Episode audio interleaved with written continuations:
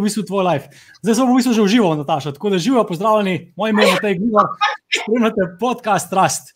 Uh, moj ime je Matej Givar, kot sem omenil, in na tem podkastu se vedno pogovarjamo o sreči, o zadovoljstvu, o življenju, se pravi, neke globoke teme. Zakaj se o tem pogovarjamo? Predvsem zato, ker je to umetnost. Za vsakega posebej, vsak neki drugega vid kot nek smisel življenja.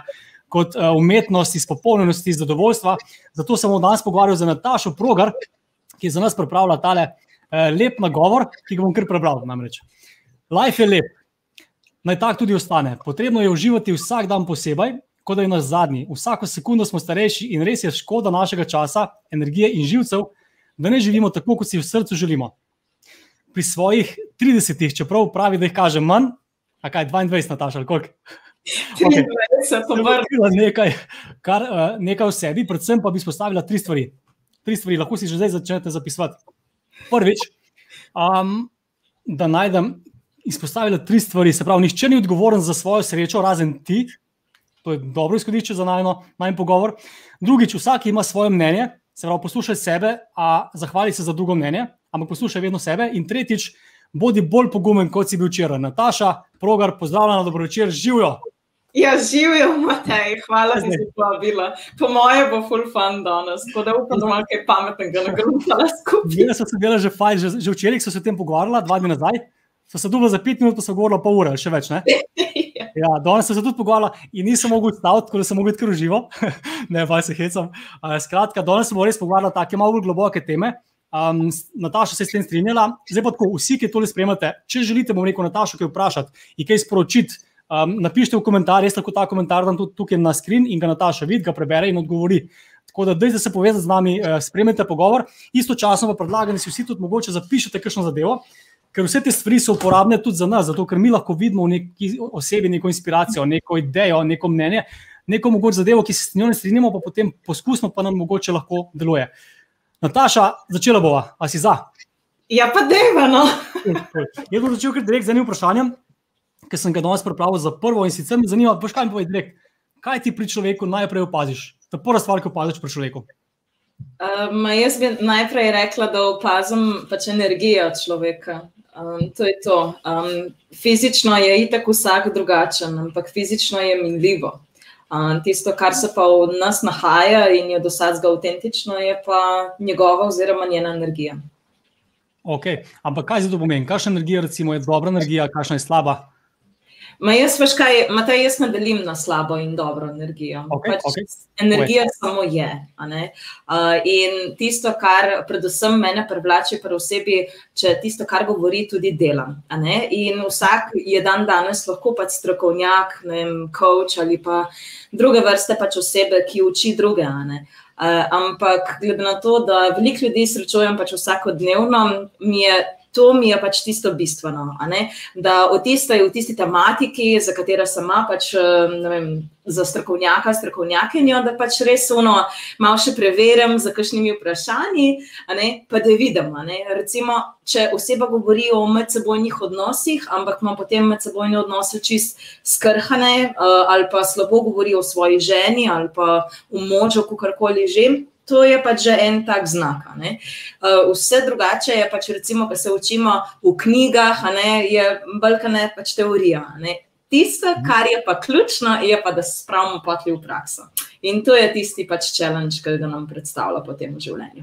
Super, se strinjam. Da ti mi povej konkretno, recimo, kaj te pa zmotno. Čeprav si rekel, ne, ne, ne govoriš o slabi energiji, ampak kaj te pa zmotno pri človeku, recimo, ko, prvič, ko ga prvič spoznaš, kaj naredi, da te vzmoti in da rečeš, ok, tukaj pa mogoče ne se ne vidim, ali pa mi ne odgovarja ta energija? Um, sicer sem tako rekla, okay, ne bom pač rekla, da me karkoli moti po osebi, ampak to ni resnica. Ne? To ne bi bil pač iskren odgovor z moje strani. Um, predvsem pač tisto, kar me moti, je, da oseba pač pije energijo. Dos, um, Se bomo dosti pogovarjali o energiji, ali pa tudi ne, ne vem. Ampak se prav čuti, uh, ko ena oseba išče zunaj sebe um, nekaj, da ga zapolne. In en izraz, uh, ki ga tudi ne maram, je, da kje imaš pa recimo boljšo polovico. Jaz temu pravim, pač tako, ono, boljša polovica sem v bistvu jaz. In pa še poleg tega, jaz nisem polovica, jaz sem celota. Um, tako da pač ne iščem, ne vem, zase vsaj rečem, pač kdaj še vedno. Jaz tudi nisem, ne vem, popolna, sem popolna v svoji nepopolnosti, tako bom raj rekla. Okay. In kdaj še vseeno neko pač notranje zadovoljstvo pač iščemo zunaj sebe. Se pa tle kasneje pač više kot je zavedanje, ne, tega vse manj počnemo. Ful zanimivo. Da mi pol tako povej, no, glede na to, kar si zdaj povedala. Veliko ljudi ne, obtožuje recimo druge za njihovo nesrečo, žalost, samoto, jezo, tudi veselje v končni fazi, um, radost, vse. A misliš, da dejansko drugi ljudje imajo lahko veliko vpliv na nas, oziroma imajo veliko vpliv in je to dobro ali slabo, da mi mogoče malo v tej smeri povej. Ker veliko ljudi se pravi, črpa energijo, dobro ali slabo, od drugih. Kaj misliš o tem? Lej, mi smo itak med sabo vsi skonektani in med sebojni odnosi so pač uno, največja naša življenjska učilnica. Najlažje bi bilo, da bi se zaprli vsi v jamo, pa bi bili tam sami. Ampak kaj bi se iz tega, ne bi se jih veliko naučila. In odnosi so vse res potrebno, ne, je, da, da imamo pač odnose takšne in drugačne, da lahko pač tudi mi izrastemo v boljšo verzijo sebe. Zdaj ne vem, ali sem odgovorila na samo vprašanje ali ne, ker sem šla pač čisto eno svoje zgodbe, tako da mi kar pove. Se brez skrbi, jaz sem nazaj v smer, zato ker mene zanimajo konkretne stvari, veš. Da mi sam povej, pač tako, no, Nataša, zabluzila si je, ej. Ne, vse, veš, vse včasih moraš zabluziti, ne, da veš, potem tudi sam vidiš, kam sploh hočeš iti, ker včasih ne veš, kaj nek neki, kaj misliš. Tudi, recimo, primer, spoznaš nekoga in včasih niti ne veš, kaj si misliš o osebi, dokler nekomu ne razlagaš o tej osebi. Si to opazil, kdaj? Ja. Včasih moraš reči, včasih moraš še reči, da smo v bistvu socialna bitja in potrebujemo to komunikacijo. In včasih se še takrat vidiš, kam pestaco moli. Ne? Ampak moje konkretno vprašanje, vprašanje je bilo, kaj si misliš recimo, o ljudeh, ki, um, ki krivijo, bom rekel, druge za svoje težave. Primer ti bom dal zdaj. Ne? A veš, ne vem, vlada, starši, partner, otroci, um, prijatelji in tako naprej. Mislim, kaj si misliš o ljudeh? V bistvu, kaj misliš, da je razlog temu, da je to tako? Pa kaj lahko narediš? Kaj, da krivimo pač druge, recimo, za ja. svojo nesrečo, ali pa da nismo zadovoljni v svojem življenju. Ja. Ma jaz ti bom tako rekla. Pač, uh, jaz sem tudi zelo velikrat mislila, vem, kako drugim uspe, meni pa ne, ne. Zakaj sem ravno jaz tista, ki je to zdaj doletelo? In sem doskrat iskala tudi uh, pač krivca zunaj sebe. Dejansko je to un strah, ne, da pač ne, ne pogledaš globlje vase. Ker če ko pogledaš pač vase, ne, uh, si moraš priznati določene stvari in vsi smo samo ljudje in delamo pač napake. In predvsem pač napake so tiste, ki nas največ potem naučijo.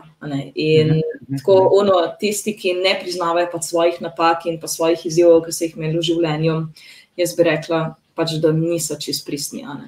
Um, in In tako, no, pač pogledati vase in si priznati, napisati na list papirja, pač, kje si ga za J, a ne, uh mhm. -huh pa od tistega trenutka dalje, potem pogruntaš, pač, kako boš to naredil na boljši način. Hm, res je. Veliko je pa v bistvu to, kar zdaj govoriš, zelo težko narediti, ne? ker se poglobiš vase, ja. da sprejmeš, da, da rečeš, ok, tle sem nekaj narobe naredil, ne? nekaj zaje, ali pa tle nekaj ne delam prav. Je bom rekel, ena taka odgovornost, ne? ki je verjetno večina ljudi, jaz ko mislim, to je moje mnenje, seveda, no, ni pripravljena sprejeti. Ker veliko lažje je ne? kriviti nekoga drugega za svoje težave, ker ja. potem se počutiš močen, kot pa če jaz sem kriv. Ne? Ampak ta jaz sem kriv lahko v bistvu naredi na dva načina. En način je tak, da si rečeš, ok, jaz sem kriv in zdaj sem pač Bog in sem žrtev in vse, vse proti meni ne? in pač ne jim propadeš, ne kaj ne rečem. Ne? Drug način je pa, da rečeš, ok, jaz sem kriv, kar pomeni, ne, ne zdaj kriv, ampak jaz sem tisti, ki je odgovoren ne? za to stanje. In zdaj, če država, bom rekel, ne vem, predpiše, da se eno leto ne vidimo, ne moramo iti ven, veš, in tako naprej, ti na to nimaš vpliva, ne? ampak vplivaš pa na nekaj drugega. Ne? Mislim, Le, veš kaj, imate jaz ti povem, da pač vpliv na zunanji svet, oziroma na situacije, ki se dogajajo, tako rekoč, ja, imamo vpliv v smislu, da gremo, protestiramo in se pač upremo sistemu ali karkoli že. Pač, kar je tudi prav. Damo pač mhm. svojo besedo in svoje mnenje tudi na plano. Uh, ampak na kar pa vplivamo, lahko, je pa na naš notranji svet, pač kako se mi sami počutimo. Lahko jamramo, lahko tako unokvajo vse hudo. In zdaj bom izpostavila pač en primer. Varianta, ne vem, uh, je bila pač gospa, s katero sem se pogovarjala in je rekla, jo, zdaj pa nikamor ne morem iti, in gor dol. Na kar pa tle pomislim, tako no pismo, se tudi prej nisi šla pač nikamor, si bila brkana skozi doma. Zdaj je cel holo in cela drama okoli tega, ampak tudi prej si nisi dovolila pač raziskovati, recimo, sveta ali pa nisi potovala ali pa karkoli. Ampak zakaj pa zdaj je to hudo, ker ti je nekdo drug prepovedal, da ne smeš iti? V primerjavi s prej, eh, kar si počela. In mhm. to je tako ful smešno, ko napihnemo včasih situacijo iz ne pravimo, iz muha naredimo samo slo, eh, samega slona. In tega slona res težko spraviš kamorkoli, oziroma je težko tega slona zmanjšati v muha. Ja, ja, ja, ja. Ja, res je. Tako, ljudje, veš, smo tako narejeni, da imamo te navade, bomo rekel, vzorci, ki jih imamo. Tudi strategiji so tako močni, da recimo, ne, če si ti navaden, da, da, da rekel, si jezen za vsako stvar, ki se naredi. Ne, zato je za sto na cesti, ne? zato ker je partner nekaj rekel, zato ker je vlada nekaj nedovolj, zato ker je nekaj drugega. Ne? Vedno rataš jesen, ne, ne do dvakrat, recimo, žalosten, že v unu, brez stanja, of. To se meni dogaja, zakaj se to glih meni dogaja, pa vedno se to meni dogaja. En tret bo rekel, super, ne, le kaj lahko zdaj naredim, ne, zdaj imam pa čas za to. Da mislim, da je tukaj veliko tudi pogojen s tem, koliko smo ljudje navajeni, bom rekel, na neke čustva, ki jih imamo na dnevni bazi. Mogoče naslednje vprašanje se tiče tega, povej mi, kaj pa misliš, so, oziroma kaj so tvoje tri čustva, recimo, no, na dnevni bazi, ki jih imaš vsak dan. In če so ti všeč, to je tako, lahko razmisliš, da je tako, da je to, ampak tako, kaj dejansko občutiš vsak dan, katera čustva občutiš na dnevni bazi, vsakodnevno. Kaj bi rekla? Male, jaz imam skupek vseh čustev, bi jaz rekla. In to, da jaz kdaj nisem, recimo, pač jezna, to, to ni res. Jaz se tudi razjezim, ful. In takrat se mi zdi, da je ravno. Varianta. Ampak tri čustva, ki prevladujejo zadnje čase, bi jaz rekla, pač, da je res eno tako pač veselje. Um, zdaj sicer ne vem, če je čustvo sploh hvaležnost, ampak dejansko vsak dan prakticiram vaje hvaležnosti, ker jih prej smo pač rekli, da uh, majhni koraki, da postanemo veliki junaki. uh, in pač imam jih to prakso, vsak večer, potem res ne vem, pet minut, ki si vzamem, da premislim, kako je šel moj dan in za kaj sem vse hvaležna in kaj se mi je v bistvu vse zgodilo.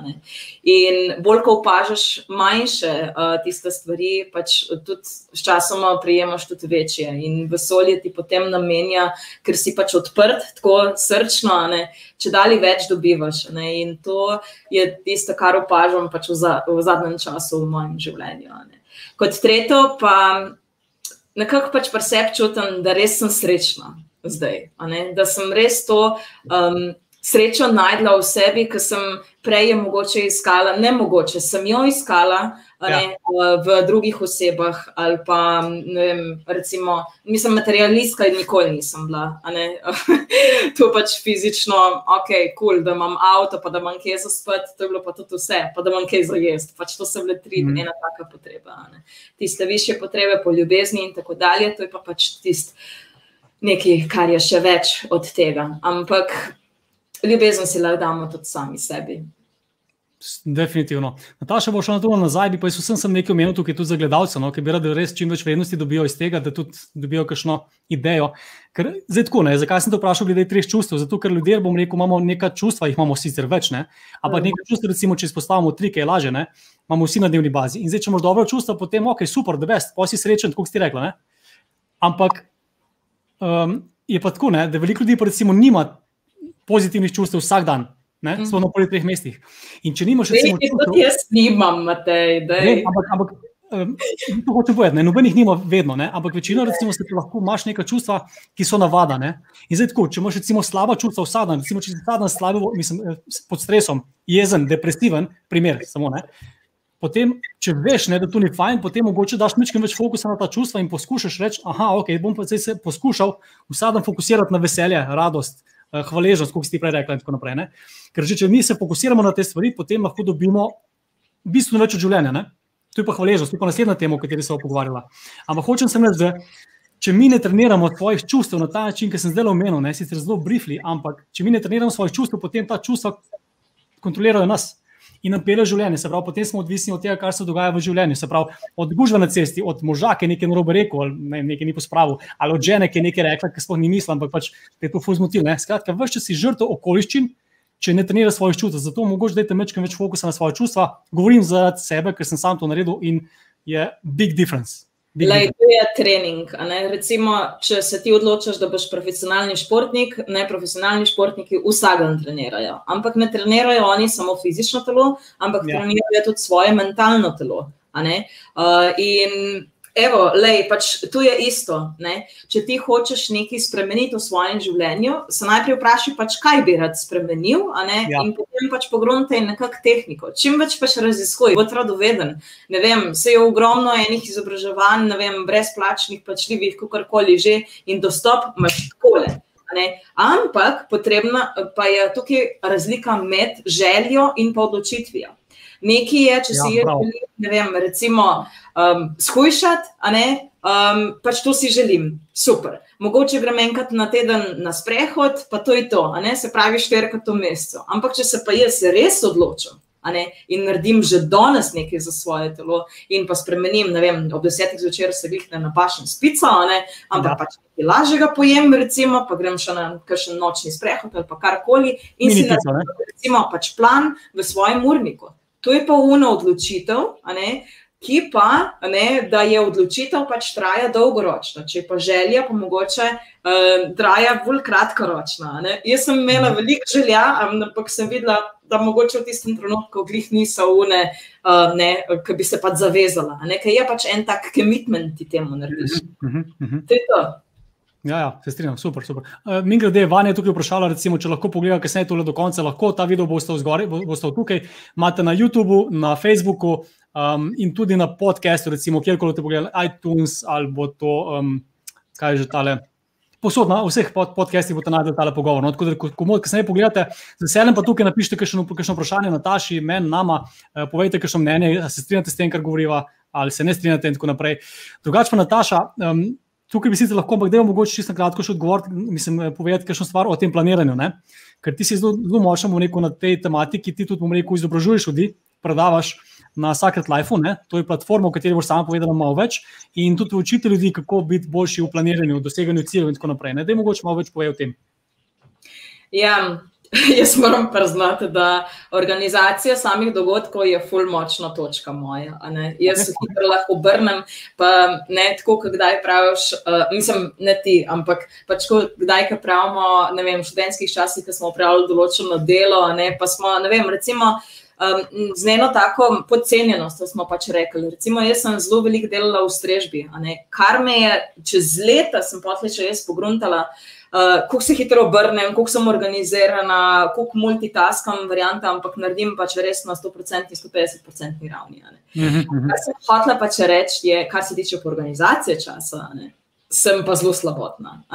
In probam res to, zdaj sem izpostavila pač malo boljšo navado, da je zjutraj res eno uro pa pol prej ostanem, se zrihtam, da vem, musko si naštimam in tako dalje, da se jaz umeral, vse pripravljam, zrihtam in to. In pa tleh sem že recimo eno uro pred sodelavci že, že v pisarni. In mi je tako uno. Lej, lepo se umirim, zjutraj imam mir, naredim pač v enem mailu, odpišem in tako. In sem zdaj začela to prakticirati in sem videla, da se fu dobro obnese. Se pravi, navada sem imela zmeraj, da sem zamujala in itak pač ni bilo glih ok na delovnem mestu, ampak še vseeno. Jaz itak pa ti podaljšam še ne, svoje, mm. svoj delovni čas in tako, tako da ni bilo tako frke, ampak še vseeno so hotela perceptu spremeniti. Um, Tako da, a še kaj moram povedati? Povej, ki si ti začela to, eh, se pravi, govoriti o teh ritualih. Zjutraj si imaš nek nov ritual, ki ti fully streza. Povej mi, kako izgleda v bistvu tvoj dan. Kakšne rituale imaš, da si v bistvu narediš dan poln in da ga živiš dejansko res polno, ker te poznam, ga živiš polno vsak dan. Narediš kar se da, da pač imaš kul dan. Ne? Kakšne rituale imaš, da to dosežeš?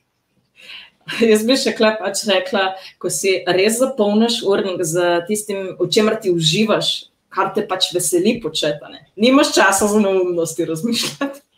Nimaš časa za dramatično ure, nekaj izpade, zakaj je to, ovo, ono, tretjo, ampak dejansko pač furaš svoj life. to hočem zdaj tukaj pač res podariti. Primer, kako je potekal moj dan, mislim, nisem ostala samo okoli šestih, uh, skuhala sem si kavo, jaz sem pač res velika ljubiteljica kave. Okay, okay. Petrca, pač tako dva, dve do tri kave na dan, nekaj takega. Ne? Um, in v glavnem, ne vem, oblekla sem se, zrihtala, spakirala in pa sem bila, mislim, da že okoli pol osmih sem bila pač na delovnem mestu, tam sem skuhala kavo še za sodelavce. Uh, muska sem poslušala, pač meni je tako uno, muska, uno, neka nahajpana, ne? zjutraj mi res da pač energija, pa sem še malo plesala v pisarni, predtem so prišli in tako dalje, tako da je bilo precej, upam, da me kdo ne opazuje, če pa že, pa se lahko kdo pridruža, ni panike. v glavnem, pa, pa, ja, pa sem pa pač na polno delala, polno enih sestankov danes, snemanj, takšnih in drugačnih, predvsem pa so smeli. Nekaj smo izgubili zvok, Nataša. E, zvok smo izgubili od tebe, ne vem, če se slišmo. Ne, ne slišim te. Poskus ponovno. No. Uh, in ki ti uspe pojeti naprej, da kažem, pa jaz mogoče vmes kaj povedal na to temo. Uh, ja, se strinjam, bom rekel, rituali so ena taka pomembna zadeva, ki jih vsi ljudje rabimo v življenju, da lahko živimo. In če dobro pomislimo, imamo vsi rituale, ne? zdaj ali nam koristijo, naj pa druga stvar, ampak vsi imamo rituale, kdaj ostanemo, kaj naredimo zjutraj, kaj potem naredimo, um, kaj rečemo um, partnerju, kaj ne. Uh, Nataša, če začne delovati, kaj začne govoriti, veš. Um, potem istočasno, recimo, rituali so zelo pomembni za to, da lahko dosežemo več. Ali je to v poslu, ali je to, bom rekel, v prodaji, ali je to v um, nečem, kar želimo doseči v partnerstvu. In tako naprej. Ne? Ker če imamo tam v partnerstvu ritual, kjer se ne, um, ne zidi dobro ponovati, potem, potem ta ritual ne ustreza. Ne? Nataša, sva nazaj. A zdaj se slišmo? Sva, super je. Okay. Kje, smo, kje smo te izgubili? Ja, pri mikrofonu, ki ni delal. Veš kaj, ne se pravi, govoril si predvsem o teh ritualih, no? ampak ja. kako je pomembno, da imaš neke ja. rituale, ki ti pašejo? No? Um, ja, moj dan sem opisovala. Ja. Kako se ti zdijo pomembni ti rituali, ki jih imaš, da si lahko potem tukaj energična, produktivna, ker ti si prav, prav znana po tej energiji, da imaš vedno dobro energijo. Oziroma, imaš nekako, kako bi temu rekel, se sama v bistvu narediš tako, da imaš dobro energijo. Ajtko. Ja, pravim, da se lahko dela, res je, Matej. Ja, to je primer, ne? zakaj to govorim? Ne? Ker če recimo imamo dojenčka ne? in če dojenčka ne damo spat, takrat, ko mora iti spat, ne? potem recimo tudi, ko bo vstal, ne? če narediš karkoli, tudi če mu daš ful dobro držvaje, če mu daš za jest, ga božaš, pesaš, karkoli ne bo, ok. Ne? In pri nas je isto, mi rabimo rituale, kot je eno spanje, drugo je recimo voda, tretje je hrana, četrto in tako naprej. Povej mi, kateri rituali se ti zdi vključen, da si lahko na polno energičen, kot si ti. Uh, jaz bi rekla, da fizična aktivnost uh, je absolutno pač tisto, kar je meni fully ljubo. Meni od nekdaj je šport ogromno pomenil, uh, kdaj mi je služil kot filtracija, pač vsega, kar se mi je dogajalo v življenju. In od nekdaj, ki pomnim, pa že kot deklica sem tekla in zmeri sem stopila v bistvu na stopničke na prvo, drugo ali pa tretje mesto. In šport v glavnem je predstavlja pač velik del mojega življenja. In um, glede na obveznosti, pač, ki jih imam vsak dan, si pač planiram, da grem na sprehod. Pač tega jaz ne bi izpustila za nič na svetu. Tudi če imam ne vem, koliko bizi urnih, ker vem, koliko meni to pomeni. Uh, ker velikrat pač na sprehod ali pa grem teč ali pa tako, v hri, hribi se pa itek pač čez vikend. Uh, veliko pa se pogovarjam samo s sabo, razmišljam ne, o stvareh in pa. Mogoče, ki me osebe srečajo tako no, na en meter, pa jaz se pogovarjam na polno samo s sabo, včasih malo hecno izpadem, ampak se ne oziram na to. Jaz pač izpadem v svoj svet in patli kakšno noro stvar, novo idejo spet pač pogruntam. Tako da šport je pač tisti moj ritual, pač neka navada od nekdaj. Uh, drugo pa je itak pač investicija v moje znanje, Glede na to, mhm. da pač vodim izobraževanja, vodim pač oddaje in še vrsto drugih stvari, ki jih imam, ne, je pomembno, da, pač, da čim, čim več se učim. In rada se učim od tistih, katere pač res čutim. In zdaj, ko si tudi ti pa zasledil, sem bila na Five Days Challenge od Tony Robinsona in mi je tako no, čist na hajpano je bilo vsak dan. In kakšni taki pač večdnevne zadeve, a ne si pač umestim noter v urnik in naredim full commitment. Pač, če, če ga dam noter v urnik, bom tam. Okay. Če pa ne grem, pa pomeni, da to ni pač glih še stvar za me. Tako da, uh -huh. ja, šport, izobraževanje, uh, tretje pa je, da furam pač res tiste uh, ideje, uh, ki jih imam in jih hočem pač spraviti na papir, pa patli v prakso, pa patli pač v video izobraževanje, pa pol, končno, ki pa pa možen, a ne pa uživo na treninga, pa delavnice, ker mi je itak, jaz sem človek stikal in dotikal in tako dalje, in mi je pač mhm. itak uživo, mi je to še boljša. Ne? Ampak še vseeno, ne? svojo energijo lahko še vedno prenašam tako preko, nisem virtualna. Tako da to je pač čist debesto. To je best. Povej mi, Nataša, zdaj, ki te poslušam, razmišljam, kje se ti vidiš čez 20 let? Kdo bo Nataša, pravi, čez 20 let? Ti razmišljaš tukaj, imaš to vizijo? kaj bi rada bila, kaj bi rada počela? Ja, ne vem, če bi mi nekdo rekel, tako uno, pred petimi leti Nataša, ti boš vodila svojo oddajo, uh, vabili te bojo tako na pogovore, vodila boš treninge, izobraževanje, hodila boš v tujino, kjer boš izobraževala še druge in boš postala trenerka in ne vem, še pač take zadeve bi jaz rekla, ti človek si na glavo padel. Ali pa da bi mi nekdo rekel, tako javno boš nastopala, pa snemala fulno polno pred kamero in tako dalje, bi jaz rekla, pa da je kam kam, kam si ti zdaj padel. Tako da čez 20 let imamo Madonna, mislim, pardon mojemu izrazu, ampak tej nimam pojma, mislim, tako uno, le jaz se predajam pač toliko življenja, imam pa svoje cilje, kratkoročne, dolgoročne, uh, to je to, ampak čez 20 let. Mogoče pač kje na otoku, a veš, vodi pa mhm. dnevni neki oblekci, varianta, gremo bolj, ono, varianta šamanka z bobni, kaj bobman tam, pa folk vabem, ne pridajo, a veš, da bomo meditirali, pa pač kakšno jogo delali, pa zdravo jedali, pa se ful športali. Um, v glavnem se pa mail ful fajn, uh, tako, da, tako da ja, uživanje pač, življenja kot samega, kot sem takrat prebral na začetku. Se pravi, da vsak dan pač res izkoristim in, in to je to.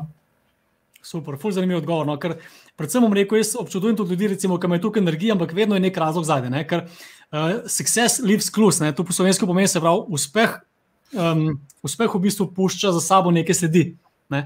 In to pomeni, da v bistvu lahko modeliraš take ljudi, ki so uspešni. Zdaj, uspešni so lahko rekel, na raznih področjih, od športa, biznisa, odnosov in tako naprej. Lahko so uspešni v tem, da znajo živeti življenje. Ne? In tudi temu namenjena ta oddaja, v kateri se pogovarjamo o sreči. Eh, zakaj? Zato, ker izpopolnjenost je, bom rekel, bolj pomembno, kot tudi, da dosežemo cilj včasih, oziroma večino časa.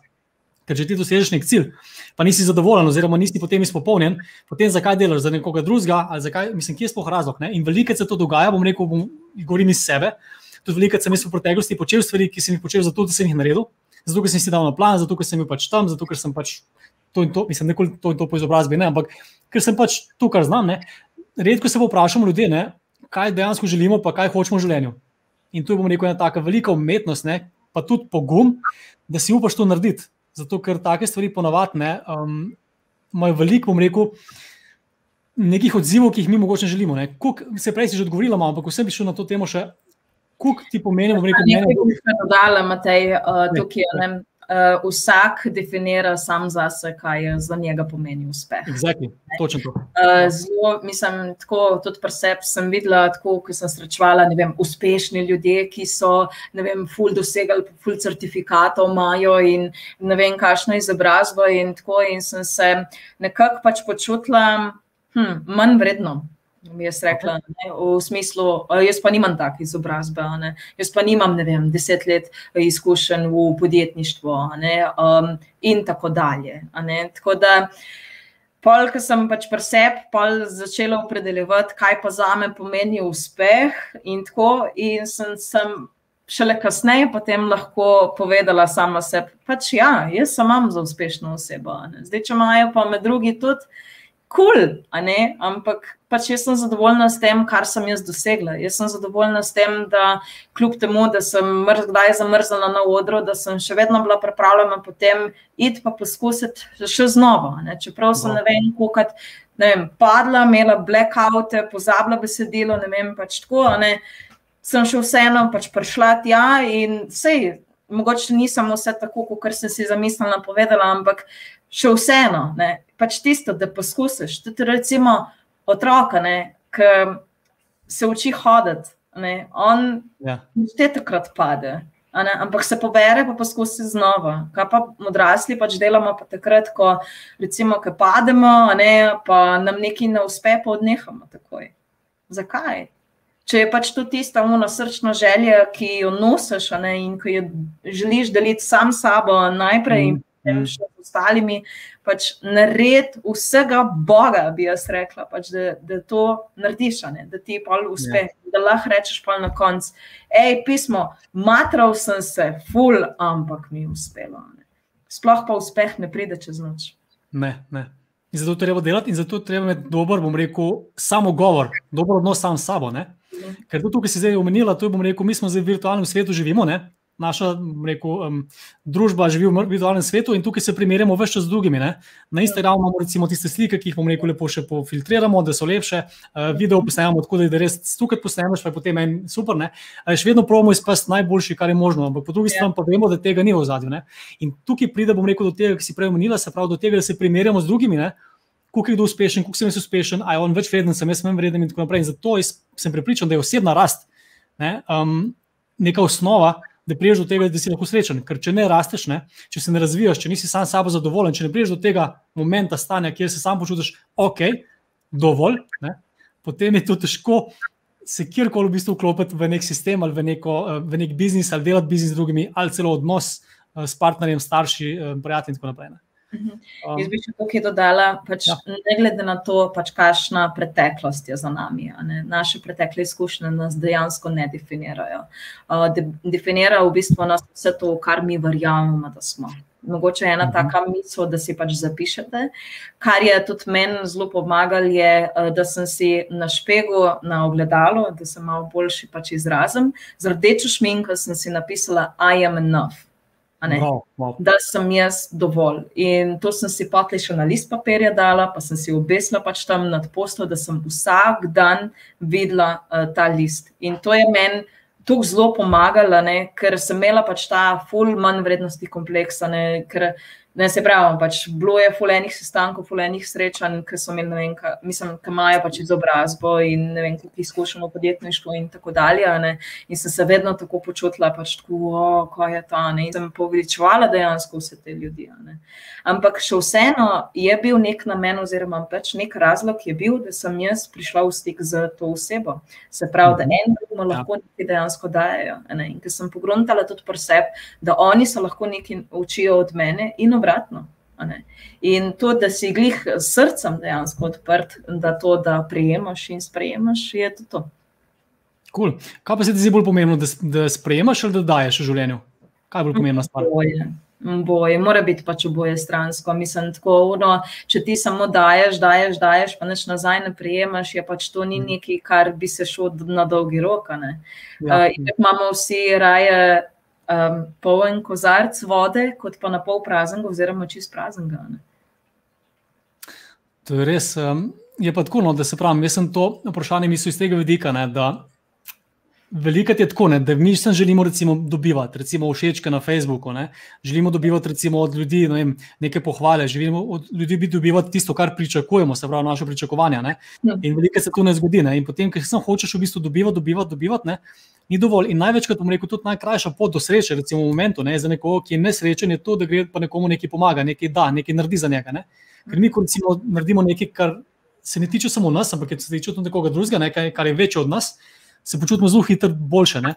In uh, se popolnoma strinjam s tvojim odgovorom, da je oboje zelo pomembno, ampak daj ne bom rekel ena taka zadeva, na katero ne smemo pozabiti, ker veliko se mi zdi, da smo ljudje, bom rekel, v svoji glavi in razmišljamo, kaj mi rabimo od odnosa, od življenja, od posla, od ljudi. In če tega ne dobimo, potem se hitro več začne to recimo majati.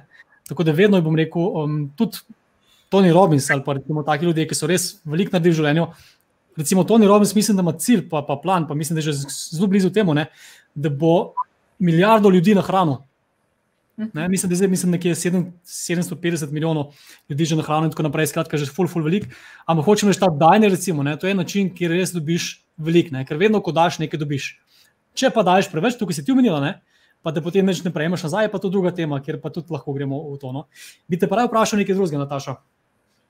Kar, kar. pričakovanja. Lahko bi sicer še ful nadaljevala v tej tematiki. Mislim, da bi čim več probala zajeti, ker če gremo samo eno ja. tematiko, pa drugo, potem bo lahko not ful globoko šla. In dejansko bi rad več vrednosti dal tukaj ljudem. In tudi tukaj bom rekel, je nek način, kako lahko dava čim več. Ne? Tako da ja. vsaka stvar pa nekomu, nekomu bo v bistvu koristila. Ne? Nekdo se bo tukaj najdel, nekdo pa ne. Ampak tukaj le bom rekel, se bomo pa vsi lahko najdel, po mojem. Ker um, zanima me, kaj ti misliš o pričakovanjih oziroma o um, hvaležnosti kako ti gledaš na te dve plati, ker to sta dve plati. Ne? Ali pričakuješ nekaj več čas, pa nekaj ne dobiš in si potem več čas slabe volje, ali pa si hvaležen za to, kar imaš. Kako ti gledaš na to? Uh, definitivno pač, da vidiš um, tisto, kar že trenutno imaš, in da si za to hvaležen. Pač tiste drobne stvari.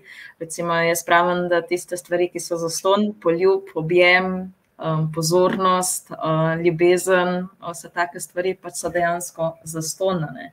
In to je tisto, pač, kar je, mislim, saj meni predstavlja samo bistvo um, pričakovanja sama, ma, vsi imamo določene pričakovanja, bi jaz rekla, ampak bolj, ko forsiramo to, da jaz pričakujem od nekoga nekaj, da bo na ta način pač naredil, in pol temu ni tako, seveda iz tega potle izvrejo naše čustva, se pravi, ponavadi se začne pojavljati potem jeza. Zaradi tega, ker naš um si je predstavljal, da tako to bo in se je zato tudi odločil, pa pa temu ni tako in je pa tako nekaj se začne pač v naši glavi pojavljati ne, in postanemo pač jezni na to osebo, ki dejansko ni odgovorna za našo čustveno reakcijo. Yep, yep.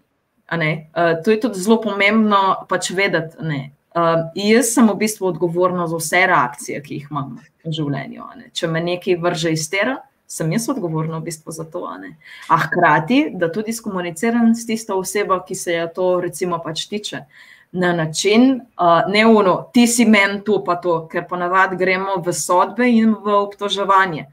Ti ja. si kriv za to, da sem jaz, ne vem, zdaj taka in taka in ne vem kaj. Pač, kaj bo ta oseba naredila? In tako se bo umaknila od nas, sploh če so moški. Recimo, Ženske znamo biti ful, ne bom rekla tiste besede, ampak znamo biti ful napadalne. Takrat, ko smo, mm. recimo, ki smo jezne, ki smo užaljene, ko vem, moški ni naredil tako, kot smo si mi predstavljali. Ne. Um, ne, moški še vseeno delujete pač na drugačen način kot ženske. Ne. In fora je, mislim, fora je samo v komunikaciji in v pogovoru, ampak um, to je glih. Um, Kaj je že ena tehnika, mikroskopska resnica? Temu se reče, da dejansko v pogovoru izhaja vsak iz sebe. Ne? Mhm. Počutim se, v meni se dogaja to, neka vrsta napetosti v tem delu pač telesa, ne vem, tako da na ta način. Ker če ti jaz rečem, Matej, ti si kriv zdaj, da sem jaz taka in ne vem kaj, in dejansko pač samo še um, povečam to svojo osebno dramo, v kateri sem zdaj trenutno. Plus mene zapreš, ker res potem se zaprem ja. in se hočem braniti, ker vedno je tako, ne? če nekdo recimo napada, ne, se nekdo brani. In je vedno tako, noben se v bistvu ne prepusti, reče, ja, res je, vse imaš prav in tako naprej. In ne prideš skupaj. Težko, ja. mislim, tako, če greš. Oziroma, na koncu ti greš, pač vsak na svoj konc greš. Uh, in to je to. In potrebuješ nekaj časa, potem, da se čustva uležajo, in mogoče potem je čas za en tak uh, zrel, uh, zrel način komunikacije. Ne? Pa vsi, vsi se deremo, pač kuno, ali pa se kregamo, pa tako vsi, večina, le, vse se kdaj skregamo pač med sabo. Mm fora je pač samo tisto, uno, da se lahko razmisliš. In takrat, ko je ugreto v zrače, da si res vzameš pač čas in greš. In tako najprej je urno, joj, kašen je in ne vem, kašen vse. Ampak uh, meni je zelo, že prej sem rekla, ne, meni ful pomaga pač sprehod, da se jaz sama pri sebi pač tako uno, pogovarjam. Mhm. Dosta, in grem čez ta proces, vne svoje neke osebne drame, in pol pridem nazaj, ko pridem do spoznanja, in dejansko sem takrat pripravljena um, iz sebe izhajati in pa tudi deliti s to osebo. Kratka, tvoje sporočilo je, da ko si recimo um, jezen ali pa žalosten ali pa nekaj zafrustriran, je fajn, da greš v bistvu ven, oziroma da zdriš, narediš nekaj stresno, se pravi, neko telovadbo, nekaj zamigaš. Greš greš plavati, teč, ja. karkoli. Nekaj, kar ti pomaga prefiltrirati pač te čustva, bi jaz rekla. Pač meni je uno šport, ne, ne vem, ne, tek hoja, pač karkoli že, ne, ali pa hribi. Zanimivo mi je, ko sem pač v eni taki osebni drami, varianta, ker če ti točno ne vem, kva ne naredim, ne, um, dam pač unruze, ki ga imam, napokam noter hrano, pač vodo, jaz pa ne vem, pač za koliko časa bom šla in grem. In recimo v hrib, ne, je tako ful težko, ne, ker naša glava je takrat ful težka, pa imam pač tako manjši ruzak sabo, recimo, ki pa pridem na hrib, ne, gor na vrh, um, pa pol tako, no, kar neki, kar neki pade, ne, ker dost premišljujem in pa tako, grem pa v dolino, pa kar stečemo. tako, tako da je zanimivo. Meni je hrib prav ena taka asociacija, ne neka taka. Se pravi, gor je težko, ker greš dol, je lažje. ja, tako. Kaj pa mrzla voda? Vem, da si ti tudi v mrzli vodi zadnji čas. Mrzla voda pomaga.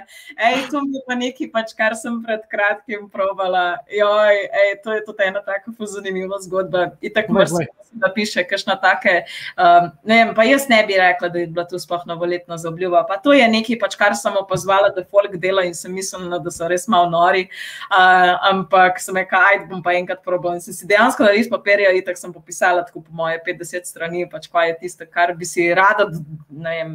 Rada dosegla v tem letu. Uh, in, evo, in tako je naslednji dan, pač skoliko se zmenjava, greva v sotesko peko. In tako eno uro pred samim odhodom, tako ono, ej, bi plavala, ne, pa sem rekel, dobro, ajde, bom kupila kasavo vse. in mi dolje shodva, se ful pač ogreje v telese in, in tako dalje. In pot let pač tako, no, začnem pač friskati, kaj tak ne, se slečeš, ne. Tam je itak še sneg pol začel padati, tako res je bilo mrzlo. Ampak ful mi je bilo zanimivo, pač tak reset mindset to so naredi, da tako, no, vse mi je jasen.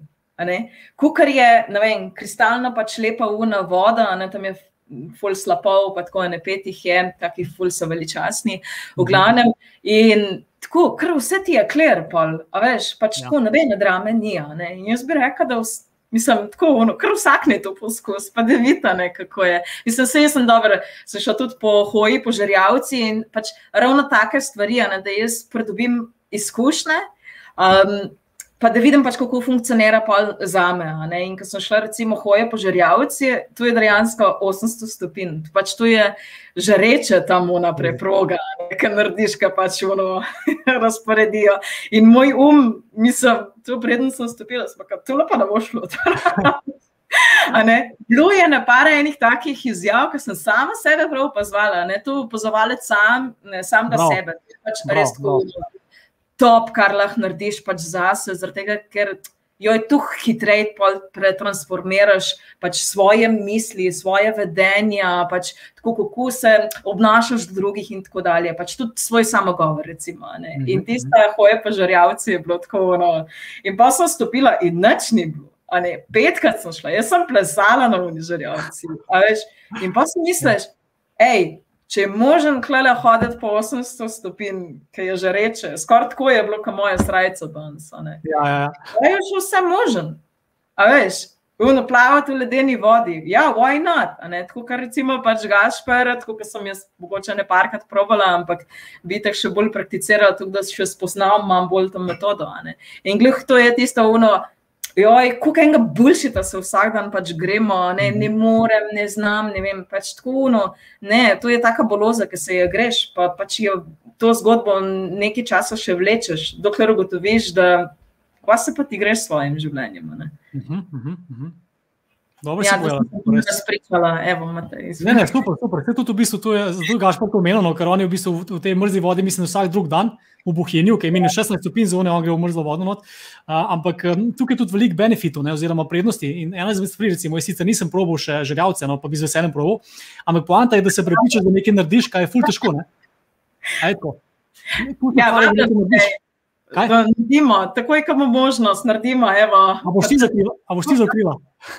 Ne, jaz ne vodim teh ritualov, to, ampak ja. poznam pa veliko ljudi, ki pač vodijo. No, super, ej, ej, sem za, sem za, res. Ej, brez heca, zdaj to uživam. Ko boš imel eno varianto, ki pozna, jaz ne poznam Slovenije, ki to počne.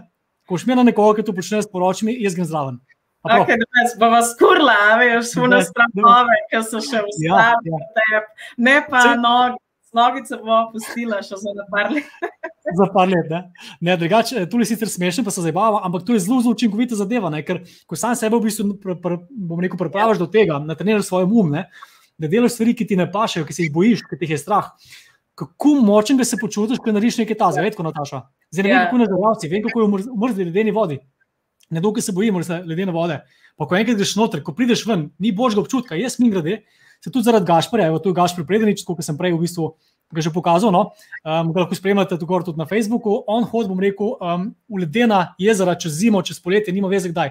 In ko prideš ven iz take vode, tu je taka energija, jaz tam ne znam povedati, no? jaz se samo tuširam vsak dan z ledeno vodo, zato ker je neverjeten občutek, ko to narediš. In s tem tudi, bom rekel, pomagaš svojim možganom, da se navadiš, da, da veš, aha, ko je nekaj težkega za narediti v življenju, ne?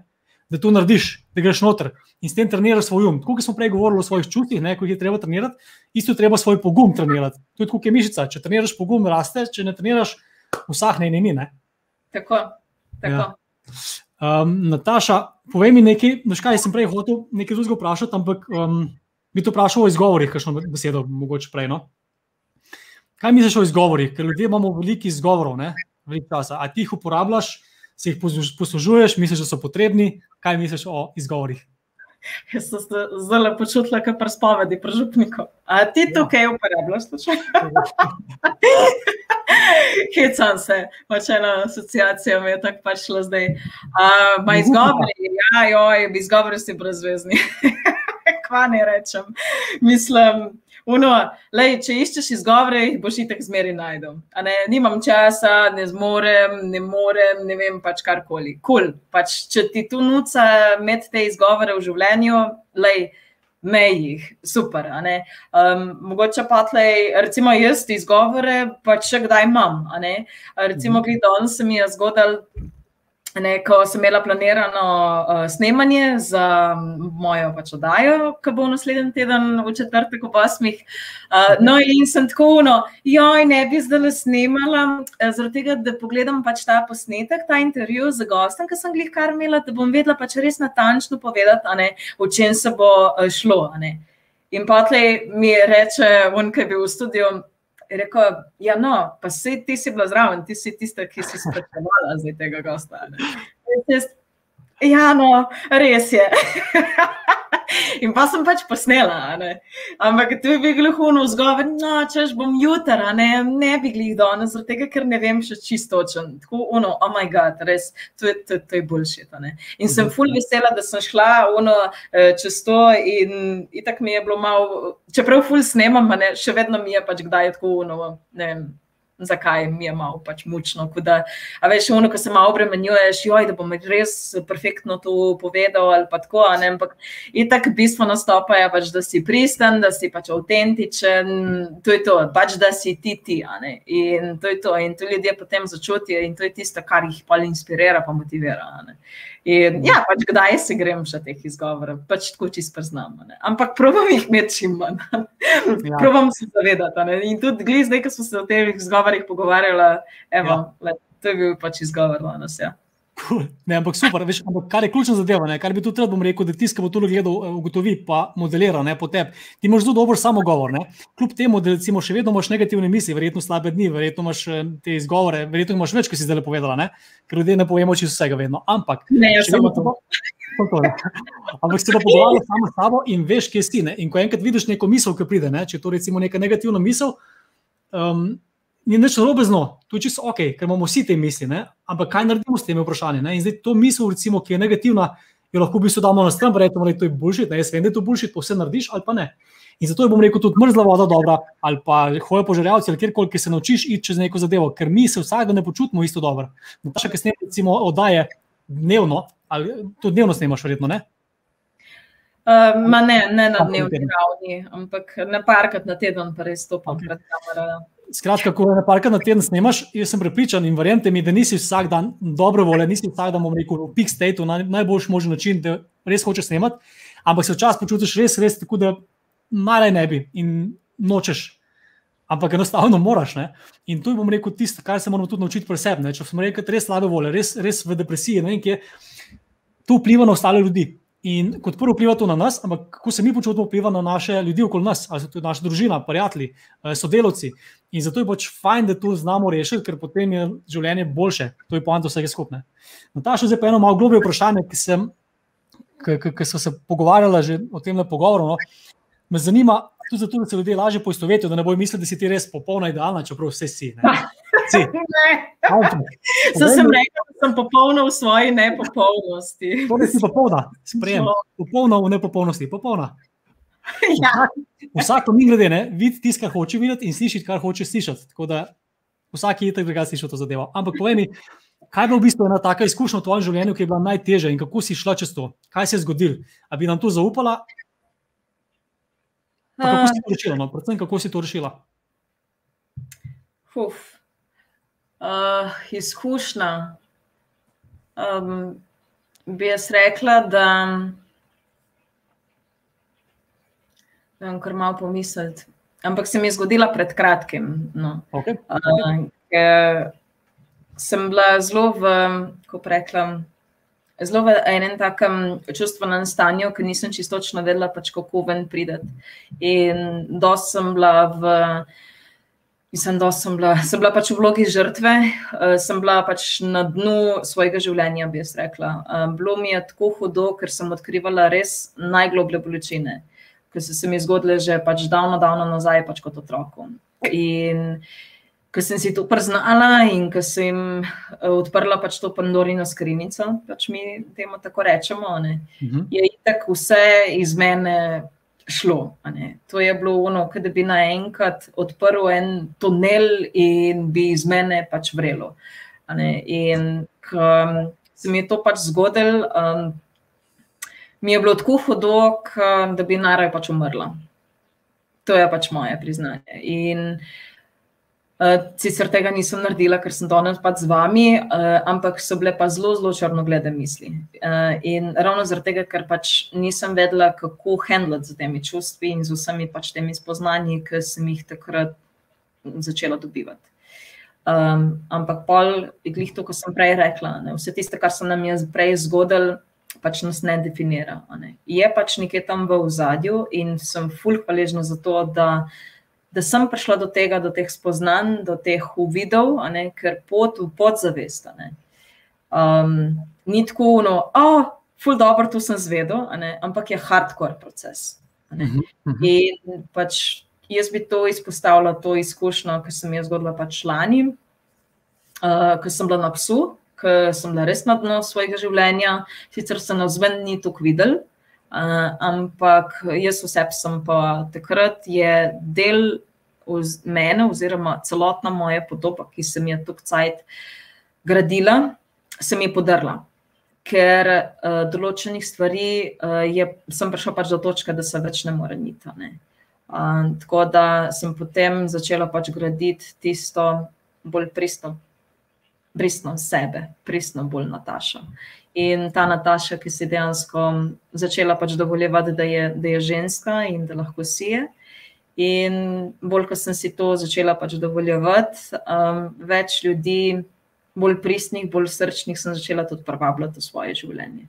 Tako da, kljub temu, da je bilo ful težko, kot ste mogoče pač prej slišali, um, sem neizmerno hvaležna za to, da se mi je to zgodilo. Pač šla bi še enkrat čez čeprav je bilo pa zelo težko. Tako da mogoče je to ta una izkušnja. Uh mhm. -huh. Koliko časa pa je to trajalo, Taša? Trajalo je kar par mesecev. Par mesecev. In ja. kaj, kaj si počela teh par mesecev? No? Je ono, ki se zrušiš na tla, ki mhm. jočeš, ki ne veš sploh odkot. Vsa ta pač bolečina, ne veš pač kako handlati. Na srečo imam jaz nekaj takih ljudi okoli mene, ki so me dvignili pač gor, da, da sem lahko šla pač čez ta proces. Tako da ja, je bilo pa, je bilo pa furt hardcore. Ne? In ja, pač, da imaš okoli sebe ljudi, na katere lahko računaš na njihovo podporo. Ej, to je nekaj, kar ti lahko reši life. Ampak kaj si ti konkretno naredila potem, no, ki si bila v tem res slabem stateu, no, tej, tej poziciji, ker nisi videl izhoda, verjetno, ok, imela si nekaj ljudi okoli sebe, ki ti včasih niti ne morejo pomagati. Ne? Kot prvo me zanima, prej gremo naprej. No, a, si, a si komu zaupala te stvari, a si mu povedala, a si se spovedala, a si imela kakšno terapijo, a si samo to predelala, kaj si naredila? Ja, veš, uh, glih to je, med željo in odločitvijo, kakšna je razlika. Ne? Jaz sem se odločila, da bom šla čez to. Tudi če ne vem, kako bo hudo. Jaz bom odprla to skrinjico in bom zmetala čisto vse ven.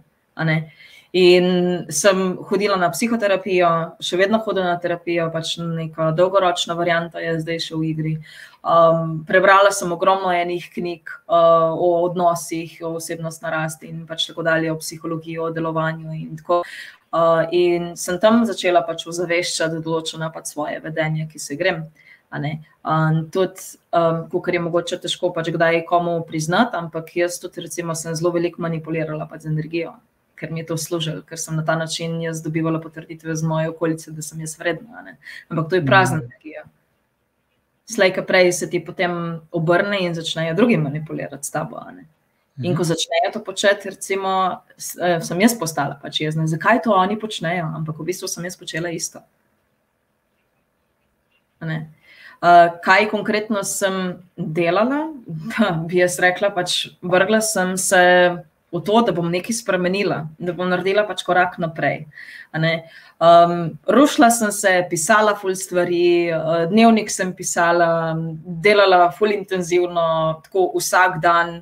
Uh, kdaj sem bila tako zmozgana, da sem cel vikend prespala, recimo, ker to je to potovanje v podzavest, kar se, se sliši dobro, da ful odkriješ in tako.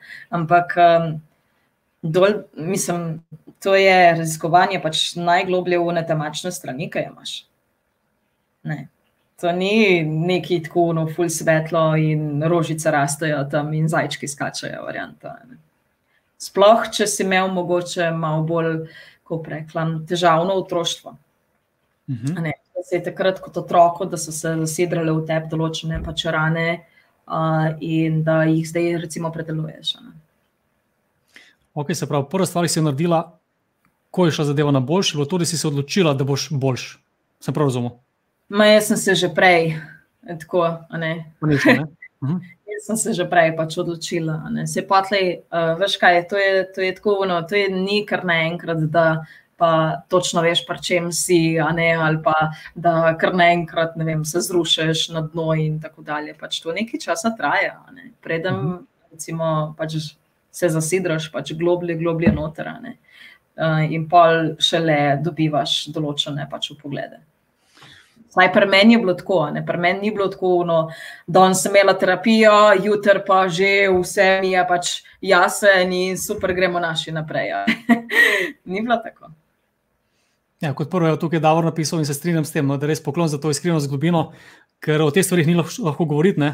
Um, to je ta pandorina skrinjica oziroma ranljivost. Ne? ki je ja. mrzlo ni pripravljen sprejeti, ker to je težka zadeva. Ampak prej gremo recimo res na to, da pridemo ven iz tega, to zdaj, no, tudi energetsko. Mi samo tako povej, kaj pa. Kaj pa si v tem času recimo, počela, da si bila ok, da nisi potem res naredila kaj novega, ali pa da nisi, bom rekel, šla tistim temnim mislim naproti? Na kaj, kaj lahko naredi človek v tem momentu, ki si res down, ki si res dol, ki ne vidiš izhoda? V tistem primeru uh, pač Uh, nisem vedela, pač, kaj narediti.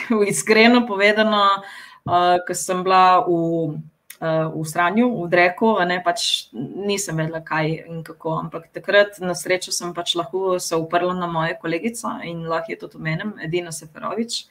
Um, krasna pač ženska, jaz njej rečem tudi duhovna sestra in mama in vse, pač itek smo se srečali že pol en, enih let, par desetletij nazaj, um, ko so bili pač skupaj. Uh, in ja, ona mi je velikrat potem podprla um, in smo šli pač čez proces tako. In se je zelo hitro potem odvijalo. Se potlej je bilo itak, še vse, še vse moje delo je bilo še vedno na meni. Mhm. Ker če si skozi pač odvisen od podpore in zunanjosti, to dolgoročno ne bo glih dobro. Mislim, moraš tudi sam predelovati pol presep. In uh, predvsem pa se vprašati, pač, kaj je zdaj v tem trenutku, se dejansko jaz grem. Uh -huh, uh -huh. Ali je to res tisto, kar želim, recimo, narediti? Če govorimo res recimo, o končanju svojega zemljskega življenja. Uh -huh. Um, če že na drugega, pač poiščeš vsaj tri svetle točke. Okay.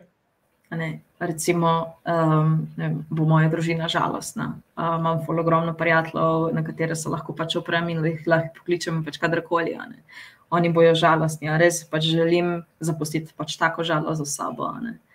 Um, in pa ne vem, kot tretje, pač recimo, je meni pomagalo to, v katerih stvarih pa uživam. Čeprav je bilo, recimo, ful težko um, mi najdete še vseeno sem takrat pač najdla. Sej ne, da, da sem imela poskus samomora, pač tako ne. Bile so samo take temačne pač misli, uh -huh. um, ki sem si rekla, tole pa ni glih dobro. Ampak sem pa tle pač šla nekako pač naprej. Najdla sem pač nekaj takega, eno tako svetlobo pač v sebi. Da, še enkrat hvala, da to deliš, no, ker vem, da ni lahko in uh, verjamem tudi, da se mrzlo lahko poistovetno, ker veliko ljudi, a veš, eh, gre čez kaj tazga, včasih tudi večkrat v življenju ne? in včasih res ne vidiš izhoda in včasih je res ta okolica ne? oziroma nekdo zunaj ne res zelo pomemben. Tako da vedno moramo biti prijazni do vseh ljudi, ne? ker nikoli ne veš, kaj se dogaja v zadju. Ne? Tudi pri tebi si rekel, da niso ljudje vedeli točno, kaj se dogaja, ker ne veš. Ne? Ja, mislim, da uh, eh, je tako, da ki smo prej govorili, mogoče o obsojanju sodbe, pač tako slab človek, dober človek, energija, gor dol, ne vem. Tako, ne. Ampak v resnici, le, dokler mi ne spoznamo človeka, mi ne vemo, pač, kaj se v njemu dogaja. Mogoče pač ta frustriranost, ki jo pač kaže zunaj, um, zunaj ne, se pravi, svetu, tebi, kakorkoli že. Uh, um, ni posledica mogoče tega, ker ti njemu ne pašeš. Pač ti, ti ne veš, kaj se dogaja v človeku. Recimo tudi za me, um, marsikdo ne bi rekel, v ta ponca imela pa ne vem, motnje hranjene. Recimo, ja, pa sem imela, štiri leta bulimija sem imela. Mm -hmm. pač eno tako pač obdobje. Um, Tisti je bilo pa zanimivo, tisti se pa še zmeraj v živo spomnim, ker nekaj časa um, sem jo že imela.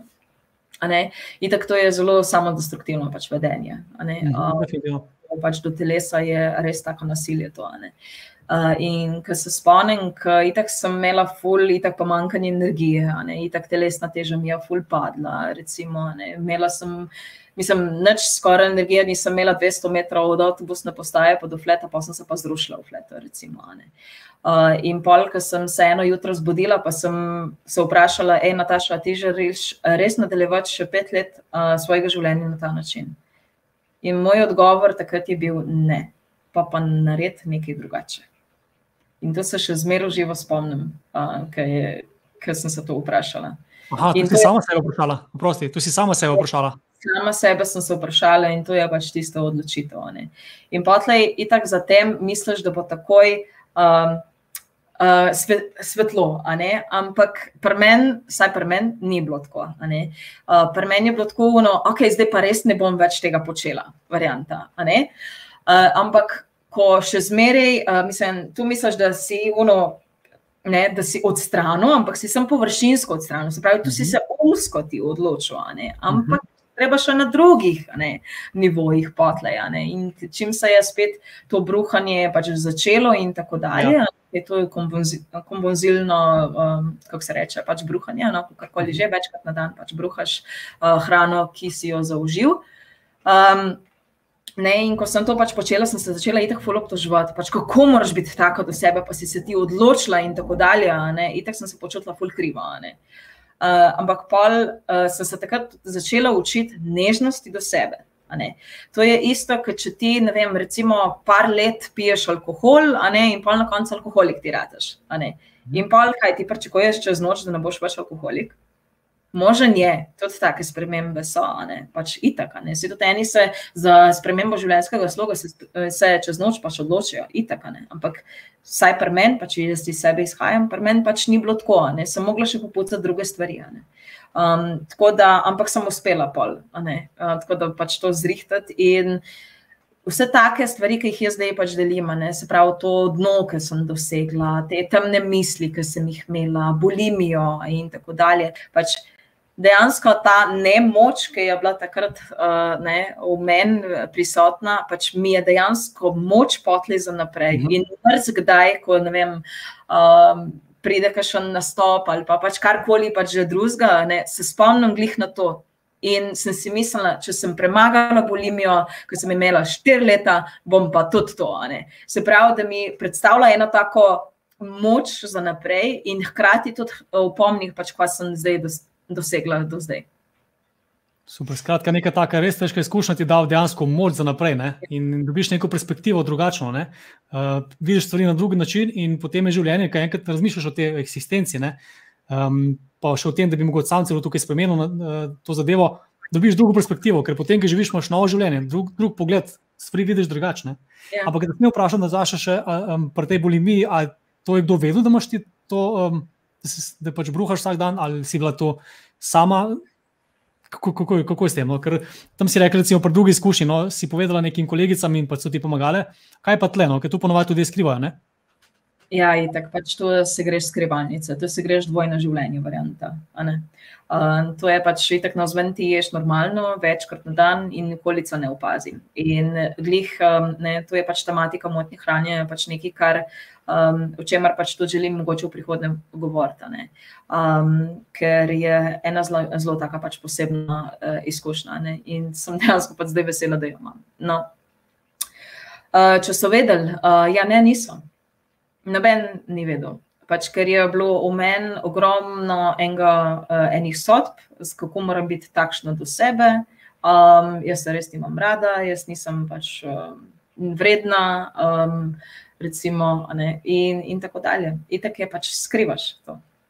Te je sram tega, da dejansko pač počneš, ne, kot hranjenje, kot neka pač osnovna človeška potreba, da ti to zavračaš. Ne, in, in to je, mislim, Matej, jaz ti povem, to je, uh, to je, tako, to je tako močno. To je v smislu. Um, vem, jaz sem se obtoževala, če sem pojedla pico.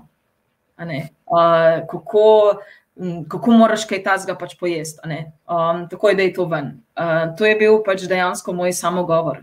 Uh, in ko kar mi dva zdaj govorimo te tematike, ki jih še mrzdo govori, ne? ta pozitiven samogovor in tako dalje. Ne? Ampak v kakšnih takih trenutkih je to res pač težko pozitivno uh, samogovor. Um, vsak ti lahko pač reče, da ja, pozitivno razmišljajo vse, imaš lepo postavo. Ja, sem, lahko da ti drugi govorijo, ampak sam sebe ti moraš pač prepričati, da si dovolj. Točno, točno. Da, da si pač lep, lepa, kakorkoli že, točno takšen, kakršen si. In do tega moraš priti, oziroma na tem moraš delati, samo od sebe to ne pride. Ne? Nataša, ja. kot prvo, še enkrat, hvala, res cenim, no, da si tukaj iskrena.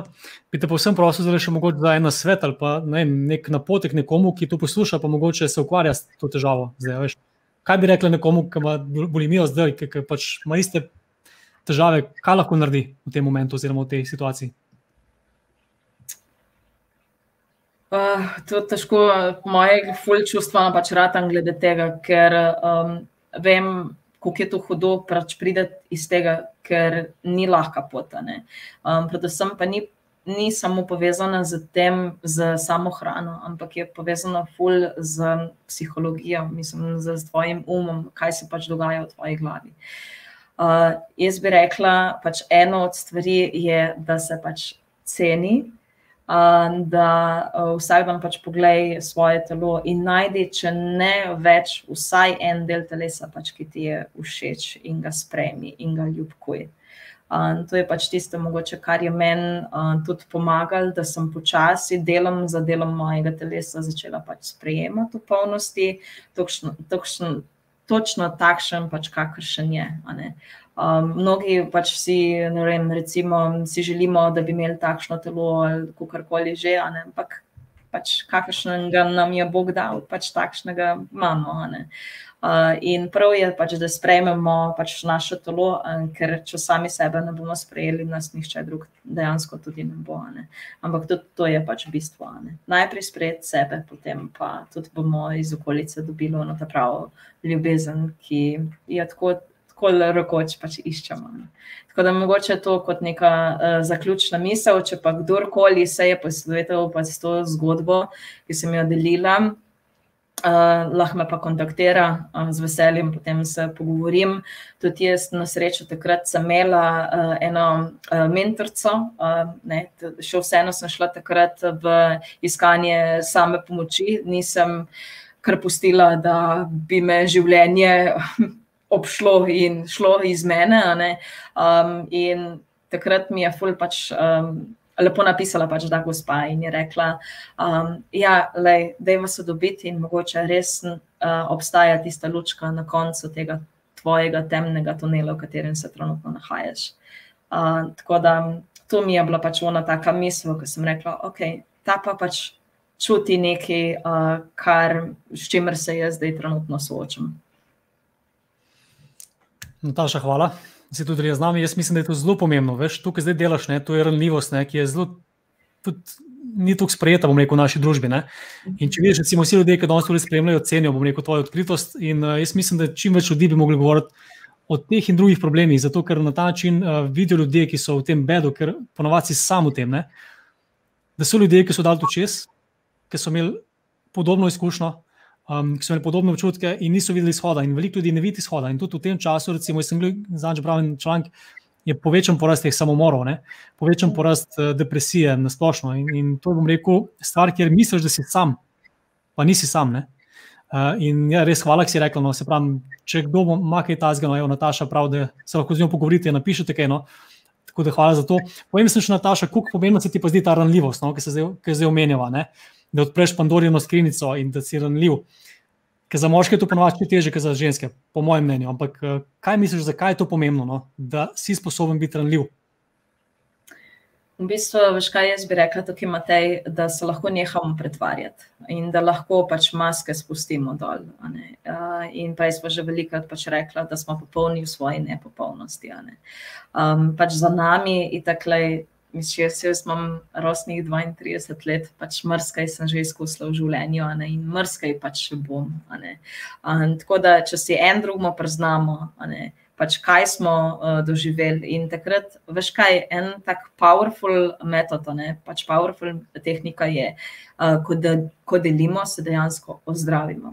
Uh, in takrat, ko sem jaz pač začela deliti pač o sebi, kaj se je v meni dogajalo, čez kaj sem šla, čez katere procese in kaj sem vse že do zdaj doživela in takrat pač občutila v teh procesih, na nek način se je takrat začelo pač moje zdravljenje. In pozivamo v bistvu vse tiste, ki nas trenutno pač zdaj gled, gledajo, da pač tisto, kar vas boli, da, da začnete čim prej pač deliti.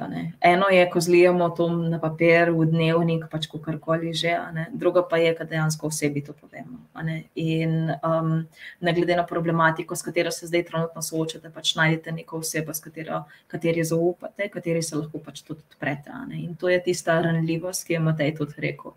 Uh, o ranljivosti zelo veliko govori Brené Brown. Če mogoče še niste zasledili, to je čudovita ženska. In uh, tudi na Netflixu že večkrat sem poslušala pač njen uh, speech, ki mislim, da traja nekaj eno uro. In tam boste tudi videli, ne, kaj pomeni v bistvu biti ranljiv, kaj je ranljivost kot sama, ne, ker ranljivost za me je dejansko biti pogumen. Ja. Ker ti razkriješ dejansko uno svojo, pač, uh, vse tisto, kar se v tebi trenutno nahaja in to je tisto, kar je kar meni predstavlja pač osebno um, pogumno. To. Super. In to je dejansko neka moč. Ne? In veliko ljudi, bom rekel, tež, ni tega sposobnih narediti. Jaz govorim zase v preteklosti. Jaz, recimo, Brne Brown poznam. Um, je to predstavlja um, um, Alejandra Ramos, ne povem v živo, zato ker so se o tem veliko pogovarjali, to je moja bivša, ampak smo se o tem veliko pogovarjali, zato ker res nisem bil ranljiv, jaz nisem mogel odprti, jaz nisem mogel jokati. Jaz nisem mm. mogel rekel, odprt, ampak težava je, ne, ko se odpreš rekel, na nekih področjih, na enem področju, se zapreš na vseh ostalih, tudi, ne, ko si enkrat zaprt. Mm. In uh, sploh za moške, se mi zdi, ker izhajamo veliko tudi iz tega, je zelo težko rekel, nekaj stvari priznati kot prvo, kot drugo, da tven, kot tretjo. Um, se o tem pogovarjati, ne? ampak je tudi tukaj močna zadeva, ker ko to enkrat narediš, ki greš čez to, tudi kot recimo mrzla ledena voda ali pa um, žrljavca ali pa karkoli drugega, kot metafora. To je, bom rekel, zadeva, ki ti da največ energije, največ moči. In Brené Brown govori o tem, koliko so ljudje, bom rekel, ki so zelo uspešni, ki so dali čez najtežje izkušnje v življenju, so jih naredili zato, ker so bili ranljivi, ker so si upali govoriti o tem, ker so si upali priznati, ker so si upali v bistvu iti čez te zadeve na, na način, kjer so bili oni, oni in niso imeli maske, kot ste prej rekli. Ne? Tako da je super zadeva. Nataša, glede na to, da prihajamo v koncu, bi te vprašal sledečo zadevo. Danes, a si srečna? Ja, jaz zase bi rekla, da je. Ja. zakaj bi rekla, da si srečna? Kljub, glede na to, kaj si zdaj razlagala, zakaj si srečna? Pol? V bistvu srečna sem zaradi vsega tega, kar sem, kar sem pač uh, postala. Tako pač čisto enostavno um, povedano. Zaradi tega, ker recimo, se pač veselim življenja. Kot ste mogoče prej slišali, sem šla čez drn in strn v life, ampak ne, sem pa nasmejana, bi jaz rekla, kar dosta. Um, in sodelovci pa že kdaj se pohecajo, ali pa pač ljudje, ki me poznajo, ne, da ne glede na to, pač kdaj me srečajo, zmeri sem pač tako, no, jolly in tako, no, oh moj bog za koga imam še preveč uh, energije, ampak to je glih tisto. Pač tako, uno, ki doživiš rok bottom v lifeu, in je pač od tistega trenutka, da sem še tisto več in bolj kot to zaveščaš, a ne pa se, pač bolj se tega zavedaš, je pač več tega busta energije dobivaš vsak dan. No. Um, tako da. Tako da, ja, jaz bi rekla, da, da sem srečna. Pa tudi zaradi tega, ker pač dejansko sem nehala iskati uh, srečo drugim. Uh, sploh tisto, uno, nek pač tak manjko. Ne? Meni je zmeri neki manjkal. Tako, uno, tujino kot tako, pač zelo velik, mislim, zelo velik. Pač potovala sem velikrat, ampak sem joj, tu sem bežala samo od sebe zelo velikrat. Mislim, šla sem v tujino, sem zaradi tega, ker nisem mogla, ne vem, handlati sama sabo, nisem vedela, kva zdaj s to situacijo, pa sem šla, ne, pa sem šla za dva meseca, pa sem šla za en mesec, pa sem šla tako. Ampak kva se je zgodilo? Pač nazaj, ko sem prišla, mi je tu še zmeraj vse čakalo, ker nisem predelala. Ti, če se premakneš, ne vem kam. Lej, v Latinsko Ameriko, na Tajsko, pač kamorkoli že, tam so imaš fajn, potovanje ti tako zamotijo, fuljenih novih stvari in tako dalje. Ampak palka pa prideš pač v svojo domovino nazaj, je pa še vedno tam in reče: Evo, Nataša, to je še zmeraj ta čakalo, zdaj pa handlej s tem. Da, če tečeš, bom rekel, pred težavami, jih še zmeraj ne moreš videti, ne, ker težave ostanejo in jih dejansko se moraš, jih moraš rešiti. Ne. Vse, kar imaš, ker dokler bežiš, ne moreš biti niti srečen, zadovoljen, ne moreš živeti, kot hočeš živeti. Ja. Kljub temu, da je to težko narediti, ne, je to še kako potrebno. Ne. Ja, ampak tudi nezavedno pač na tej uh, delamo. Mhm. Veš, da iščemo srečo druge, a ne. Mhm doma. Ne, ena tako zelo narodno zabavna, um, popularna pesem je: ne, ne, sreči, ne išči sreče drugot kot le doma. Uh mhm. -huh. Ampak kje se nahaja dom? Dom je tam, kjer se nahaja tvoje srce, bi jaz rekla. Uh -huh. Uh -huh. Se pa ponovno strinjam, ker to, kar si zdaj razlagala, jaz sem zelo, zelo podobno uh, rešil zadeve. Jaz sem veliko bežal pred težavami, še vedno, ampak se zdaj tudi ujamem in se trudim, seveda, dnevno uh, opozarjati, eh, loviti na besedah, eh, na mislih in tako naprej. No, to se prej govorila. Ampak, če povzamem, mogoče mečem današnji tale pogovor zelo, zelo na kratko, ne? če dovoliš, Nataša, bi rekel, da tudi tako, ko, ko gledaš film, ne? večji, ki je, bom rekel, nek problem ali pa neko zlo, ne?